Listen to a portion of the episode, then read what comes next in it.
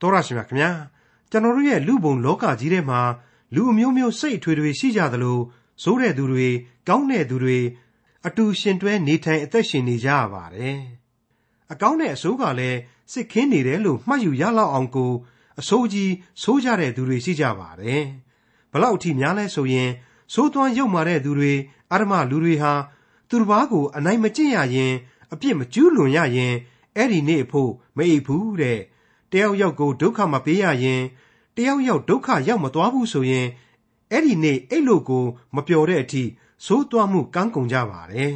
ဒါပေမဲ့ဒီလိုသိုးသွမ်းရုပ်မာတဲ့သူတွေရဲ့လမ်းဆုံးဟာညံဆန်တတ်တယ်လို့ဖော်ပြထားတဲ့ခရိယန်တမန်ကျမ်းဓမ္မဟောင်းကျမ်းပိုင်းတွေကတုတ်တန်ကျမ်းအခန်းကြီး၄အခန်းငယ်14ကနေအခန်းငယ်29အထိကိုဒီကနေ့တင်ပြရသောတမန်ကျမ်းအစီအစဉ်မှာလေ့လာမှာဖြစ်ပါတယ်။မကောင်းမှုကိုရှောင် ကောင်းမှုကိုဆောင်တဲ့တရားစကားကို တွေ့ရသူတွေဟာအသက်ရှင်ခြင်းတကိုယ်လုံးကျမ်းမာခြင်းအကြောင်းကို တွေ့ရတယ်လို့လည်းဆိုထားပါတယ်။တရားစကားဆိုတာဘယ်လိုတရားစကားမျိုးလဲဆိုတာကို တွေ့ရမှာဖြစ်တဲ့သုတ်တန်ကျမ်းအခန်းကြီး၄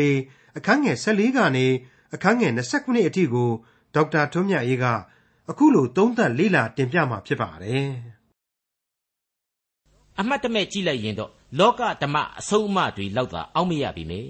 အင်မတန်အရေးကြီးလာတဲ့ဝိညာဉ်ရေးသွန်သင်ချက်တွေကိုဖော်ပြပေးနေတဲ့သုတ်တန်ကျမ်းသင်ခန်းစာတွေဟာအခန်းကြီး၄အငယ်73အထိရောက်ရှိခဲ့ပြီဖြစ်ပါတယ်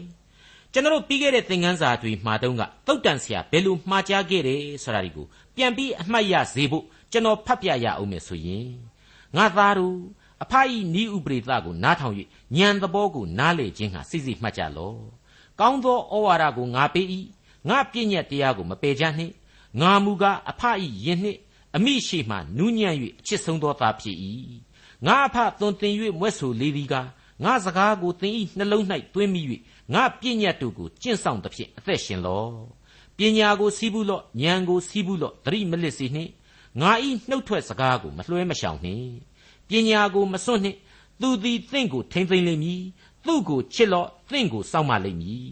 ပညာသည်အမျက်ဆုံးသောအရာဖြစ်၏ပညာကိုစီးပူးလော့ စီးပူးသမျှသောဥစ္စာတို့တွင်ဉာဏ်ကိုစီးပူးလော့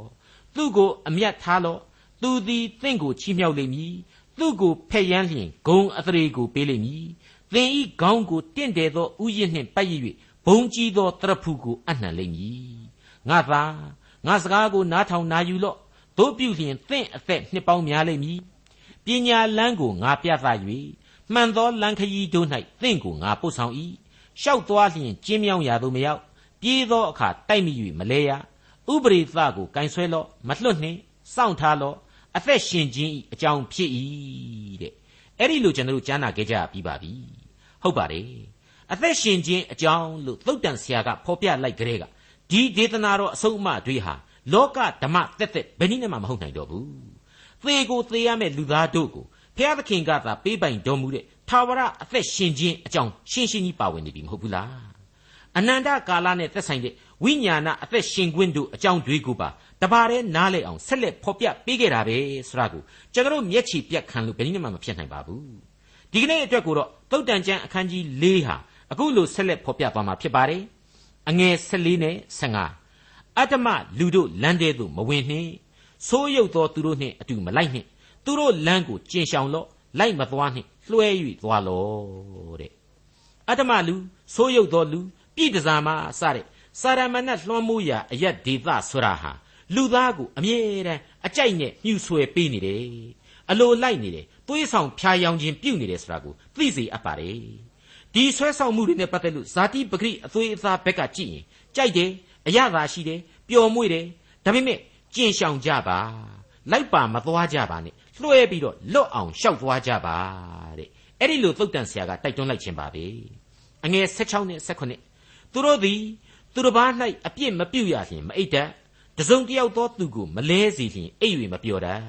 ဒုစရိုက်နှင့်ဆိုင်သောမုံကိုစား၍ညှင်းဆဲခြင်းနှင့်ဆိုင်သောစပြည့်ရီကိုတောက်တတ်ကြ၏တဲ့မိษွေအပေါင်းတို့၏အစရှိရင်အနောင်နောင်တဲ့အဲ့ဒီဆိုယူစကားရှိပါတယ်အကျင့်ဆိုတာပါသွားပြီးရင်ဖြတ်လို့မရဘူးဆိုတဲ့သဘောပေါ့ကျွန်တော်အကြိမ်ကြိမ်ပြောခဲ့ဘူးတဲ့အတိုင်းပါပဲကောင်းသောအရာကသာမနေကြိုးစားအားထုတ်ယူရတာ မကောင်းတာကြတော့တခဏလေးနဲ့စွဲသွားတတ်တယ်အဲ့ဒါဟာလူသားရဲ့ဗီဇနဲ့အပြစ်တရားရဲ့ကိုက်ညီမှု ရှေ့သွားနောက်လိုက်ညီမျှမှုကိုသိသာစေတဲ့သဘောတရားပါပဲ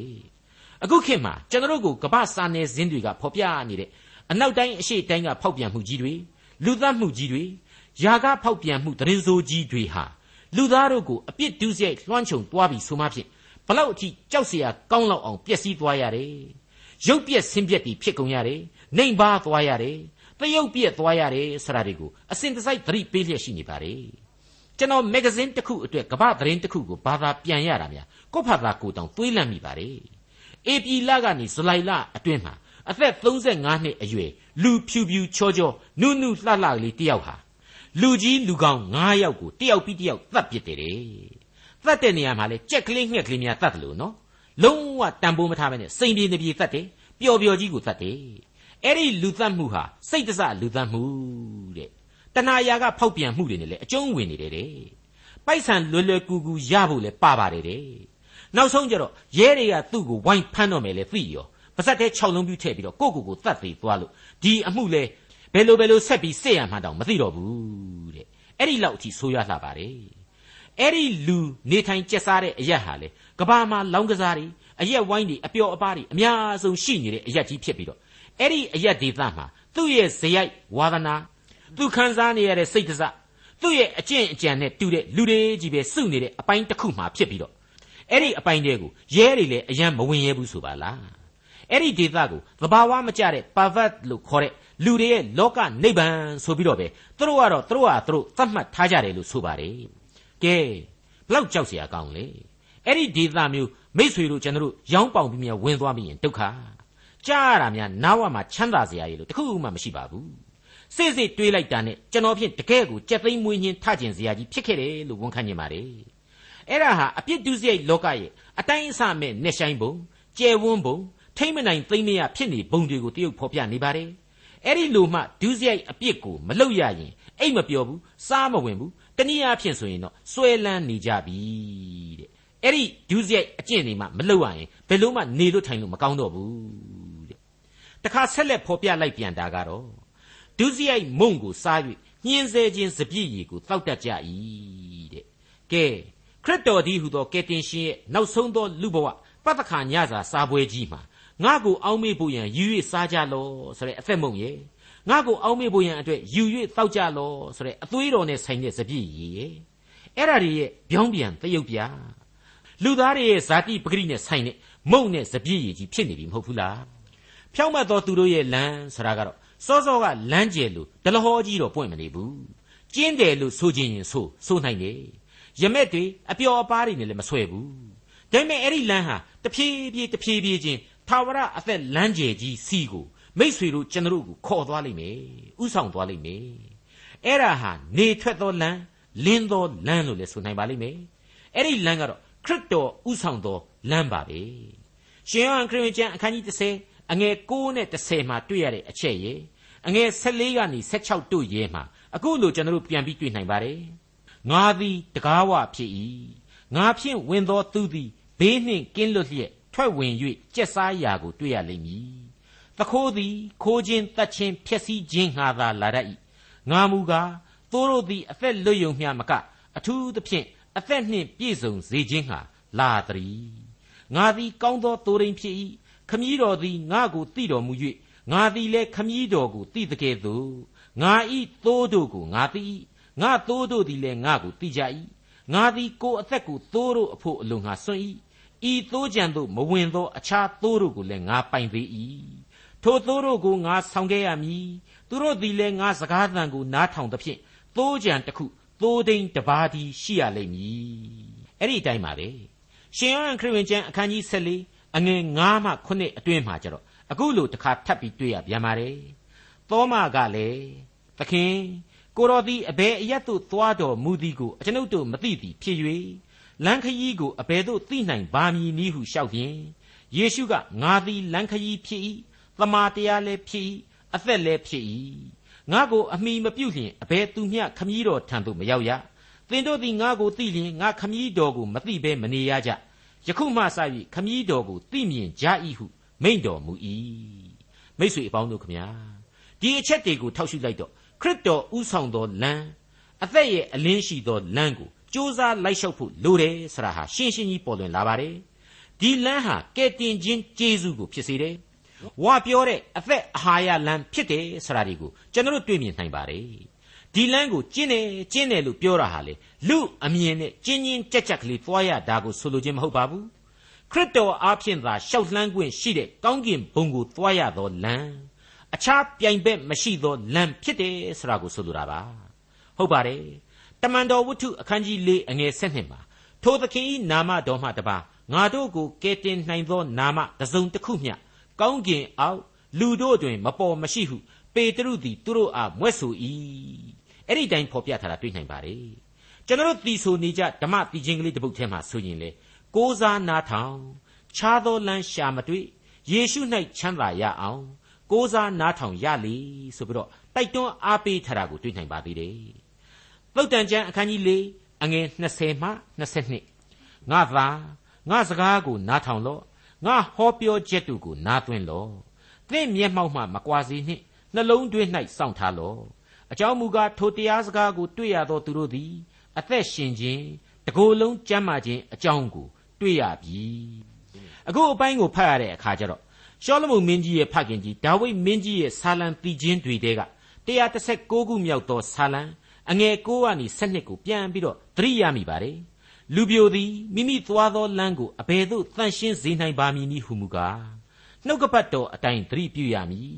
အကျွန်ုပ်သည်ကိုတော်ကိုစိတ်နှလုံးအကျွင်းမဲ့ရှာပါ၏ပြည့်ညတ်တော်လမ်းမှလွဲစီတော်မမူပါနှင့်ကိုတော်ကိုမပြစ်မှားဘဲနေနိုင်မည်အကြောင်းဗျာဒိတ်တော်ကိုနှလုံးထဲမှာတူထားပါပြီ။အိုးထာဝရဖေဟာကိုတော်သည်မင်္ဂလာရှိတော်မူ၏အထုံးအဖွဲ့တော်တို့ကိုအကျွန်ုပ်၌သွန်သင်တော်မူပါ။အဲ့ဒီလိုဖော်ပြထားခြင်းဖြစ်ပါလေ။ဒီအချက်တွေကိုသေချာဆန်းစစ်ကြည့်လိုက်မယ်ဆိုရင်နှုတ်ကပတ်တော်အသက်လန်းစားပြီဆရာဟာအသက်သွေးကြောကြီးနဲ့တူးမနေဘူးလား။ ဒီနှုတ်ကပတ်တော်ကိုဖြတ်ပေရင်သွေးထွက်ရလိမ့်မယ်။အဲ့ဒီသွေးဟာကောင်းကင်ကိုဆက်သွယ်တဲ့သွေးဖြစ်တယ်။အသက်သွေးကြောကြီးဖြစ်တယ်။ဒါကြောင့်မလို့ကို့အဖို့ဒီသွေးဟာဘုရားသခင်ရဲ့အသွေးတော်ဖြစ်နေပါတယ်မပြတ်ကြပါစေနဲ့အပြစ်လောကမှာပဲအသေးခံမနေကြပါနဲ့လို့တိုက်တွန်းအားပေးလိုက်ခြင်းပဲဖြစ်ပါတယ်မိษွေတော်တတ်ရှင်အပေါင်းတို့ခမညာအခုအချိန်မှာတော့သုတ်တန်ကျမ်းအခန်းကြီး၄အငယ်23ကိုကျွန်တော်တို့ရောက်ရှိလာပါပြီဘုရားသခင်ရဲ့နှုတ်ကပတ်တော်အတွင်းက သုတ်တန်ဆရာရဲ့အလွန်သိပ်ပံနီးကြသောရှေးအဆုံးအမတစ်ခုဖြစ်တယ်ဒီသိပ်ပံဩဝါဒကိုဘယ်သိပ်ပံပညာရှင်ကမှမငြင်းနိုင်ဘူးအခိုင်အမာအတီးပြုတ်ခဲ့ရပြီဖြစ်တယ်ဆိုတာကိုလည်းကျွန်တော်ဖော်ပြခဲ့ပြီးပါပြီနှလုံးသည်အသက်ဤအခြေအမြစ်ဖြစ်သောကြောင့်သင်ဤနှလုံးကိုအထူးသဖြင့်စောင့်ရှောက်ကြလော့ဒီအချက်ကိုတော့သုတ်တန်ကျမ်းရဲ့ဏိဒန်းပိုင်းမှာကလေးကလေကျွန်တော်ကရှင်းရှင်းလင်းလင်းဖော်ပြခဲ့ပြီးဖြစ်ပါတယ်ဟိုးလွန်ခဲ့တဲ့နှစ်ပေါင်း3000လောက်ကလေးက ဝိညာဉ်တော်သွန်သင်ခဲ့တဲ့အတိုင်းဖော်ပြခဲ့တဲ့ဒီအချက်ဟာ16ရာစုအတွင်းကစေသိပ္ပံပညာရှင်ကြီးဟာဗေးရဲ့တွေ့ရှိချက်အရာသစ္စာတရားဖြစ်နေတယ်အံ့ဩဖွယ်ကောင်းလာတဲ့ခန္ဓာဗေဒသဘောတရားဖြစ်နေတယ်ဆိုတာကိုတိုက်တိုက်ဆိုင်ဆိုင်ကျွန်တော်တို့တွေ့လာပြီဖြစ်ပါတယ်အဲ့ဒီအတိုင်းပါပဲသုတ်တန်ကျမ်းစကားတွေထဲမှာအခုလိုအခြေအမြစ်ခိုင်လုံတဲ့အချက်တွေကိုကြည့်တွေ့ရတာဟာနှုတ်ကပတ်တော်စာပေရဲ့တိကျခိုင်လုံမှုအသက်ရှင်သန်မှု တန်ရှင်းသောဝိညာဉ်တော်ဥဆောင်မှုရှိနေကြောင်းကိုရှင်းလင်းစွာတက်တည်ပြလိုက်ခြင်းပဲလို့ကျွန်တော်ဆိုချင်ပါတယ်အဲ့ဒီနှလုံးသားဟာလူသားရဲ့ရှင်သန်ခြင်းကိုအဓိကဆောင်ရွက်ပေးနေရသလိုလူသားရဲ့သေခြင်းကိုလည်းသူနဲ့ပဲအဆုံးအဖြတ်ပေးရတယ်ဆိုတာဟာလည်းရှင်းနေပါလေဒီနှလုံးသားကနေပြီးတော့လူတယောက်ဖို့ဘယ်လိုမကောင်းတဲ့အရာတွေဖြစ်စေတယ်ဆိုတာကိုခရစ်တော်ကိုယ်တော်တိုင်ရှင်မသက်ခရစ်ဝင်ကျမ်းမှာအခုလိုဖော်ပြခဲ့ပါသေးတယ်နှလုံးသားစိတ်အစဉ်ဆိုပြီးတော့ကျွန်တော်တို့ပြောနေကြအတိုင်းပဲလို့ကျွန်တော်ဆိုချင်ပါတယ် ရှင်မသက်ခရစ်ဝင်ကျမ်းအခန်းကြီး15အငယ်16မှ20ကတွင်မှထွက်သောအရာမူကားနှလုံးထဲကထွက်လာ၍လူကိုညစ်ညူးစေသောအရာဖြစ်၏ကောင်းသောကြံစီခြင်းလူအသက်ကိုတတ်ခြင်းသူ့မယားကိုပြစ်မှားခြင်းမိမ့်မလွတ်နှင့်မှားယွင်းခြင်းသူ့ဥစ္စာကိုခိုးခြင်းမမှန်သောတက်တည်ကိုခံခြင်းသူ့အသရေကိုဖျက်ခြင်းအရာတို့သည်နှလုံးထဲကထွက်လာ၍လူကိုညစ်ညူးစေသောအရာဖြစ်၏လက်မဆေးပဲလျက်အစာကိုစားခြင်းမူကား လူကိုညစ်ညူးစေသည်မဟုတ်ဟုမိန့်တော်မူ၏အဲ့ဒါဟာနှလုံးသားမှာလူသားတို့ရဲ့မကောင်းတဲ့စိတ်အစဉ်တွေဟာအစဉ်တစိုက်ပေါ်ထွက်နေတတ်တယ်ဆိုတာကိုရှင်းလင်းပြတ်သားစွာဖော်ပြလိုက်ခြင်းဖြစ်ပါတယ်လူရဲ့စိတ်ဝိညာဉ်ဟာလူသားတို့ရဲ့နှလုံးခုန်ခြင်းနဲ့အတူအပြစ်တရားတွေထဲမှာသာနစ်မြုပ်နေတတ်ကြောင်းကိုသခင်ခရစ်တော်ဟာလူလောကကိုသိသာစေတဲ့ဖော်ပြချက်ဖြစ်ပါတယ်အဲ့ဒီလိုနှလုံးသားစိတ်အစဉ်တဲမှာမကောင်းတဲ့အကျင့်အကြံတွေ ဇယိုက်လက္ခဏာတွေကိုရောင်ပြန်ဟပ်လာတာကြတော့လူသားရဲ့စကလုံးတွေအပြောအဆိုတွေအပြုတ်အမူတွေအကျင့်အကြံတွေဖြစ်နေတယ်ဆိုတာကိုသုတ်တန်ဆရာဟာအခုလိုဆက်ပြီးဖော်ပြပေးလိုက်ပါတယ်အငယ်24ကောက်သောစကားကို၎င်းညင်းဆန်တတ်သောနှုတ်ခမ်းတို့ကို၎င်းဝေးစွာပေရှောင်လောတဲ့ကဲစောစောပိုင်းကရှင်မသက်ခရစ်ဝင်ကျမ်းမှာဖော်ပြခဲ့တဲ့နှလုံးသားကတရုတ်သကန်တွေကိုပါဇက်ကဖော်ပြတယ်ဆိုတာဒီနေရာမှာရှင်းရှင်းကြီးဖော်ပြလိုက်ပြီဒီတော့ကောက်တဲ့စကားတွေ ညင်းဆန်တဲ့သဘောစရိုက်တွေမပေါ်ကြပါစေနဲ့ဆိုပြီးတော့အခုလိုသုတ်တန်ဆရာကဆိုလိုက်ခြင်းဟာနှလုံးသားရဲ့တန်ရှင်းစင်ကြယ်ခြင်းကိုမွေးမြူဖို့ပြောလိုက်တဲ့အတူတူပါပဲတနည်းအားဖြင့်ဒါကိုအပြောနဲ့အလုံနဲ့ညီးကြပါစေသဘောဖြောင့်မတ်မှုရှိကြပါစေဖြူစင်သောနှလုံးသားမွေးမြူနိုင်ကြပါစေလို့မှားလိုက်တယ်လို့လည်းဆိုလို့ရနိုင်ပါလိမ့်မယ်ကျွန်တော်ရဲ့မြမာမှုနယ်ပယ်မှာလေစကားစကားပြောပါများစကားတွေကဇာတိပြဆိုတဲ့ဆိုရိုးစကားတစ်ခုရှိပါတယ် ကျွန်တော်အပါအဝင်လူတိုင်းသတိထားရမယ်အချက်လို့ကျွန်တော်ဆိုချင်ပါတယ်သုတ်တန်ကျမ်းအခန်းကြီး၄အငယ်25မှ29အဆုံးအထိကောက်သောစကားတို့ကို၎င်းညင်းဆန်တက်သောနှုတ်ခမ်းတို့ကို၎င်းဝေးစွာပယ်ရှောင်လော့သင်၏မျက်စိသည်ရှေ့ရှုကြည့်၍မျက်ခမ်းတို့သည်တဲ့တဲ့အာယုံပြုစီလော့သင်သွားရလမ်းကိုစူးစမ်း၍သွားလေရာရာ၌တည်ကြည်ခြင်းရှိစေလော့လက်ရဘက်လက်ဝဲဘက်သို့မတိမ်မလွှဲနှင့် ဒုစရိုက်ပြုရာလမ်းကိုရှောင်လော့ကျွန်တော်ငငယ်တုန်းကတည်းကဥပု္ပ္ပစာပြေအကြောင်းမှာကြားနာခဲ့ရတဲ့အဆုံးအမတွေအတိုင်းပြန်ပြီးကြားရတယ်လို့ပါပဲပြီးတော့ကျွန်တော်ဆိုခဲ့ရတဲ့တခြင်းကလေးတစ်ပုဒ်ရှိပါတယ်အိုသတိထားသင့်မျက်စိဘာကိုကြည့်အိုသတိထားသင့်ရဲ့နာဘာကိုကြားဆိုတဲ့အချက်ကလေးတွေဟာပြန်ပြီးတော့သက်ဝင်လှုပ်ရှားလာတယ်လို့ပဲလို့ကျွန်တော်ခန်းစားရပါတယ်ဒီအပိုင်းကလေးတွေဟာအထူးသဖြင့်တိုးတက်ခြင်းတဲ့လမ်းပေါ်ကလူသားတို့အတွက်အဆုံးအမဖြစ်တယ်လို့ လူကြီးလူငယ်မရွေးဒုစရိုက်တရားဘက်ကိုရောက်မသွားအောင်ဆုံးမနေခြင်းပဲဖြစ်တယ်လို့လည်းကျွန်တော်ဆိုချင်ပါတယ်ကျွန်တော်ပြီးခဲ့တဲ့သင်သိရသောတမန်ကျန်သင်ခန်းစာတွေမှာပြောခဲ့တဲ့အတိုင်းပဲပေါ့မွေးကင်းစသားကလေးတွေသမီးကလေးတွေဟာလူသားမိဘတို့အဖို့ကတော့အင်မတန်အပြစ်ကင်းပြီးတော့ချစ်စရာရုပ်ဆင်းရုပ်ဝါကလေးတွေနဲ့လို့မိဘတွေရဲ့စိတ်မှာခံစားကြရပါတယ်ဒါပေမဲ့နှုတ်ကပတ်တရားတော်ကဖော်ပြလာတဲ့အပြစ်ဗီဇသဘောအရာကတော့ဖန်ဆင်းကာစကလေးကအပြစ်ဘက်ကိုတိမ့်ညွတ်ရာကနေ ဖြစ်ပွားလာတဲ့လူသရုပ်ကိုဆောင်ကျင်းလာခဲ့ကြတာပါပဲအဲ့ဒီလိုနှုတ်ပြိုချောမွေ့တဲ့အစင်းတရံကလေးတွေဟာတရွေ့ရွေ့ယိုယွင်းဖောက်ပြန်သောသဘောအတိုင်းကြီးပြင်းရတယ်။အိုမင်းလာရတယ်။ယိုယွင်းလာရတယ်။အဲ့ဒီအတိုင်းပဲဏိကုံးမှာကျတော့နောက်ဆုံးပြက်သုံးသွားရတယ်။ရိုးပြမြေခဖြစ်သွားရတယ်ဆိုတဲ့သဘာဝရှိပါတယ်။အဲ့ဒီရုပ်ခန္ဓာကိုယ်မှာတည်ရှိနေတဲ့စိတ်ဝိညာဉ်အဖြစ်သာလျှင်လူသားဟာအိုမင်းလေးလေး အသက်သောအသက်လမ်းကိုတက်လှမ်းရလေးလေးဖြစ်ရလိမ့်မယ်ဆိုတာကိုကျွန်တော်ရှင်းလင်းပြသစွာဖော်ပြခဲ့ပြီးဖြစ်ပါတယ်။သင်မျက်စိသည်ရှေ့ကိုရှုကြည့်တဲ့တဲ့အာယုံပြုဆိုတာဟာဘာသဘောလဲ။ဖြောက်မှတ်သောလမ်းကိုတဲ့တဲ့လျှောက်ပါဆိုတဲ့အဓိပ္ပာယ်ပါပဲ။ဒါကိုအဓိပ္ပာယ်မှန်မဖော်ထုတ်ဖ ೇನೆ မြို့ထဲမှာမျက်လုံးကြီးကိုရှေ့ကလွှဲပြီးဘဲမှမကြည့်။နဘေးလည်းသတိမပြုအဝေးကဘာလာနေလဲဆိုတာလည်းဂရုမစိုက်ဘူးဆိုရင်ကားတိုက်ပြီးသိမှာပေါ့။ကိုယ့်ကိုလည်းနဘေးကလူတွေကဒီကနေ့လူကြောင်ပဲဆိုပြီးပြောမှာပေါ့။ အခုလိုရှေ့ရှုရမယ်တဲ့မှတ်စွာအာယုံပြုရမယ်ဆိုတာဟာအန်တရေကိုသိရမယ်။အမှားနဲ့အမှန်ကိုခွဲခြားရမယ်။ကောက်သောလမ်းနဲ့ဖြောင့်သောလမ်းမှန်ကိုရွေးရမယ်။ကိုယ့်ကိုယ်ကိုယုံကြည်မှုနဲ့သွားရမယ်လမ်းကိုဖြောင့်မတ်စွာရဲရင်စွာတည်ကြည်စွာနဲ့ရှောက်သွားရမယ်ဆိုတဲ့သဘောပါပဲ။မှန်ပါတယ်။သင်သွားရလမ်းကိုစူးစမ်း၍တည်ကြည်ခြင်းရှိလောတဲ့။အဲ့ဒီအချက်နဲ့ပြန်ပြီးတော့ချုပ်ထားပေးလိုက်ပါတယ်။ အတိတ်ဘယ်ကိုဖြည့်ဆည်းပေးလိုက်ပါတယ်။ဒီနေရာမှာကျွန်တော်ဟာအားပြော့ရင်းရင်တတ်တဲ့လူတွေရဲ့အသက်တာဥပမာတွေနဲ့ပြန်ပြီးတော့စဉ်းစားမိပါတယ်။အာဗြဟံဆိုတဲ့ပုဂ္ဂိုလ်ကြီးဟာဖျားသခင်ကိုယုံကြည်ခြင်းရှိတယ်ဆိုတဲ့ကြားရရတယ်တစ်ချက်ကလေးလမ်းလွဲလိုက်တဲ့နဲ့မဟုတ်တာတစ်ခုနှုံးဖြစ်ရတယ်ဒုက္ခတစ်ခါဆိုက်ရတယ်ဆိုတာကိုကျွန်တော်တို့သမိုင်းမှာတွေ့မြင်ရတယ်လို့မောရှေအာယုန်ဒါဝိဒ်တို့နဲ့တကွဒီသုတ်တန်ကျမ်းကိုပြုစုလိုက်သူရှောလမုန်မင်းကြီးတို့ကိုယ်တိုင်ဟာအပြစ်လူသားကြီးများပြီးပြီး အမြဲတမ်းစံချိန်စံညွှန်းမှီလောက်အောင်ဖြောင်းမြောင်တန်တန်မရှိခဲ့ကြရှာဘူးတကွေးမဟုတ်တကွေးမှာတော့မှားခဲ့ကြတာကြီးပဲဆိုတာကိုကျွန်တော်တွေးမိပါတယ်ဒါဆိုရင်တို့ရဲ့ဘဝအတွေ့အကြုံတွေဟာတို့ရဲ့လက်တွေ့သမိုင်းတွေဟာဒီသုတ်တန်စကားအတိုင်းမဟုတ်တဲ့အတွက်ကြောင့်အပြစ်ကြီးတင်ရမလားဆိုရင်အဲ့ဒီအတိုင်းမဟုတ်ဘူးအဲ့ဒီလိုလူဇာတိပဂရိသင်္ကန်းစာတွေကနေပြီးတော့အနှစ်သာရနဲ့စုဝေးဖြစ်ပေါ်လာတဲ့အဆုံးအမတွေဟာ စာတွေနဲ့အဲ့ဒီလက်တွေ့ဘဝဖြစ်စဉ်တွေကိုရှင်တွဲပြီးတော့ပြေဝစွာအဆုံးအမပြုတ်ပေးနိုင်တယ်အလွန်ကောင်းတဲ့အသည့်တရားသတိတရားတွေနဲ့အတူစင်ကြင်တုံတရားများပညာဉာဏ်များကိုဖြစ်ပွားလာစေတယ်လို့ကျွန်တော်ဆိုချင်ပါတယ်လက်ရပဲလက်ဝဲဘက်သို့မတိမ်မလွှဲနှင့်ဒုစရိုက်ပြုရာလမ်းကိုရှောင်လို့တဲ့သိတ်ကိုအရေးကြီးတဲ့အချက်ပါနော်နိုင်ငံရေးစကားဖြစ်တဲ့လက်ဝဲလက်ရကိုပြောတာအရှင်းမဟုတ်ပါဘူးနက်ကရကြီးမောမလုပ်ကြပါနဲ့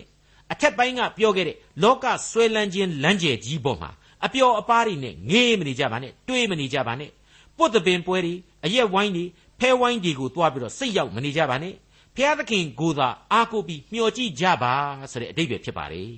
ကျွန်တော်သိထားကြတဲ့အတိုင်းပါပဲတမန်တော်ကြီးရှင်ပေတရုတယောက်ဟာဂါလိလဲအိုင်ပေါ်မှာခရစ်တော်ရဲ့တကိုးတော်နဲ့လမ်းလျှောက်ခဲ့တာကိုပြန်ပြီးတော့စဉ်းစားကြည့်ကြပါ ခရစ်တော်ကိုသူကစိတ်စိတ်ကြီးနေတဲ့အချိန်မှာတကိုးအာနုဘော်တော်အမှန်တကယ်ရှိတယ်ဖျားသခင်စီကတကိုးကကူးဆက်ပြီးတော့ဒီဂါလိလဲအိုင်မှာသူရဲရဲကြီးလျှောက်သွားနိုင်တယ်လေဒါပေမဲ့တလှမ်းနှစ်လှမ်းပဲရှိသေးတယ်ရေပြင်ကိုကြော်ဖြတ်လျှောက်သွားလို့ဇိမ်ကြနေတော့မှာပဲနဘေးနဘီပတ်ဝန်းကျင်ကလေပြင်းမုန်တိုင်းကလေးဘက်ကိုလည်းသွားပြီးကြည့်လိုက်မိရောတကယ်ရေနဲ့သွားခဲ့ရလို့ခရစ်တော်ကိုကြပြားကြရပြန်ပြီးတော့အသနာခံခဲ့ရတယ် ခရစ်တော်ကကြပြားကြရသူ့ကိုကယ်ခဲ့ရတယ်ဆိုတာကိုပြန်ပြီးတော့စဉ်းစားကြည့်ကြပါလို့ကျွန်တော်တင်ပြခြင်းပါတယ်ဟုတ်ပါတယ်မိတ်ဆွေအပေါင်းတို့လက်ရဘက်လက်ဝဲဘက်တို့မတိမ်မလွှဲကြပါနှင့်ဒုစရိုက်ပြုရာလမ်းကိုရှောင်ကြပါလောကရန်မုန်တိုင်းတို့တဲ့ကဲတင်ရှင်ကိုသာစိစိမျှော်ကြည့်ကြပါရန်မေတ္တာရက်ခံပါရစေမိษွေအပေါင်းတို့ခမညာအသင်းတော်ကိုသွားတယ်ဖះရှိခိုးဖို့တဲ့သူများနဲ့တွေ့ပြီးစကားပြောဖို့အဓိကလားသင်းဥဆရာရဲ့အားနေချက်ဒီ အသင်းတော်ကောင်စီရဲ့အမှားတွေကိုရှောက်ပြီးတော့စဉ်းစားဖို့လားရွာစုံရွာပြားမှာရောက်နေတဲ့ဂိုင်းဆွဲဂိုင်းတွေတွေအကြောင်းကိုအတင်းအဖျင်ပြောဖို့လားမဟုတ်ပါဘူးဖះသခင်နဲ့တိုက်ရိုက်တွေ့ဆုံပြီးတော့ဗြိညင်ပြုတ်ဖို့သွားရခြင်းဖြစ်ပါတယ်ဖះသခင်ရဲ့အမိန့်တော်ကိုနာခံဖို့ဖြစ်ပါတယ်အသေးခံတော်မူခြင်းကျေးဇူးရွေးနှုတ်တော်မူခြင်းကျေးဇူးကယ်တင်ခြင်းကျေးဇူးတရားအကြောင်းကိုဆင်ခြင်စဉ်းစားပြီးတော့ကောင်းကင်အမွေကိုရရှိဖို့ရန်ဖျားသခင်ရဲ့အလိုတော်ကိုဝန်ခံနိုင်ဖို့ဖြစ်ပါတယ် အဖဖျားသခင်စီကိုအဲ့ဒီအတိုင်းသွားမယ်ဆိုရင်တဲ့တဲ့သွားပါကျင်းတော်လံသို့မဟုတ်ကယ်တင်ရှင်သခင်ခရစ်တော်နှင့်သာသွားရလမ်းချင်းကလေးအတိုင်းသာရှောက်သွားပါအသက်လမ်းကျယ်ကြီးကိုမုတ်ချမသွေတွေ့ရပါလိမ့်မယ်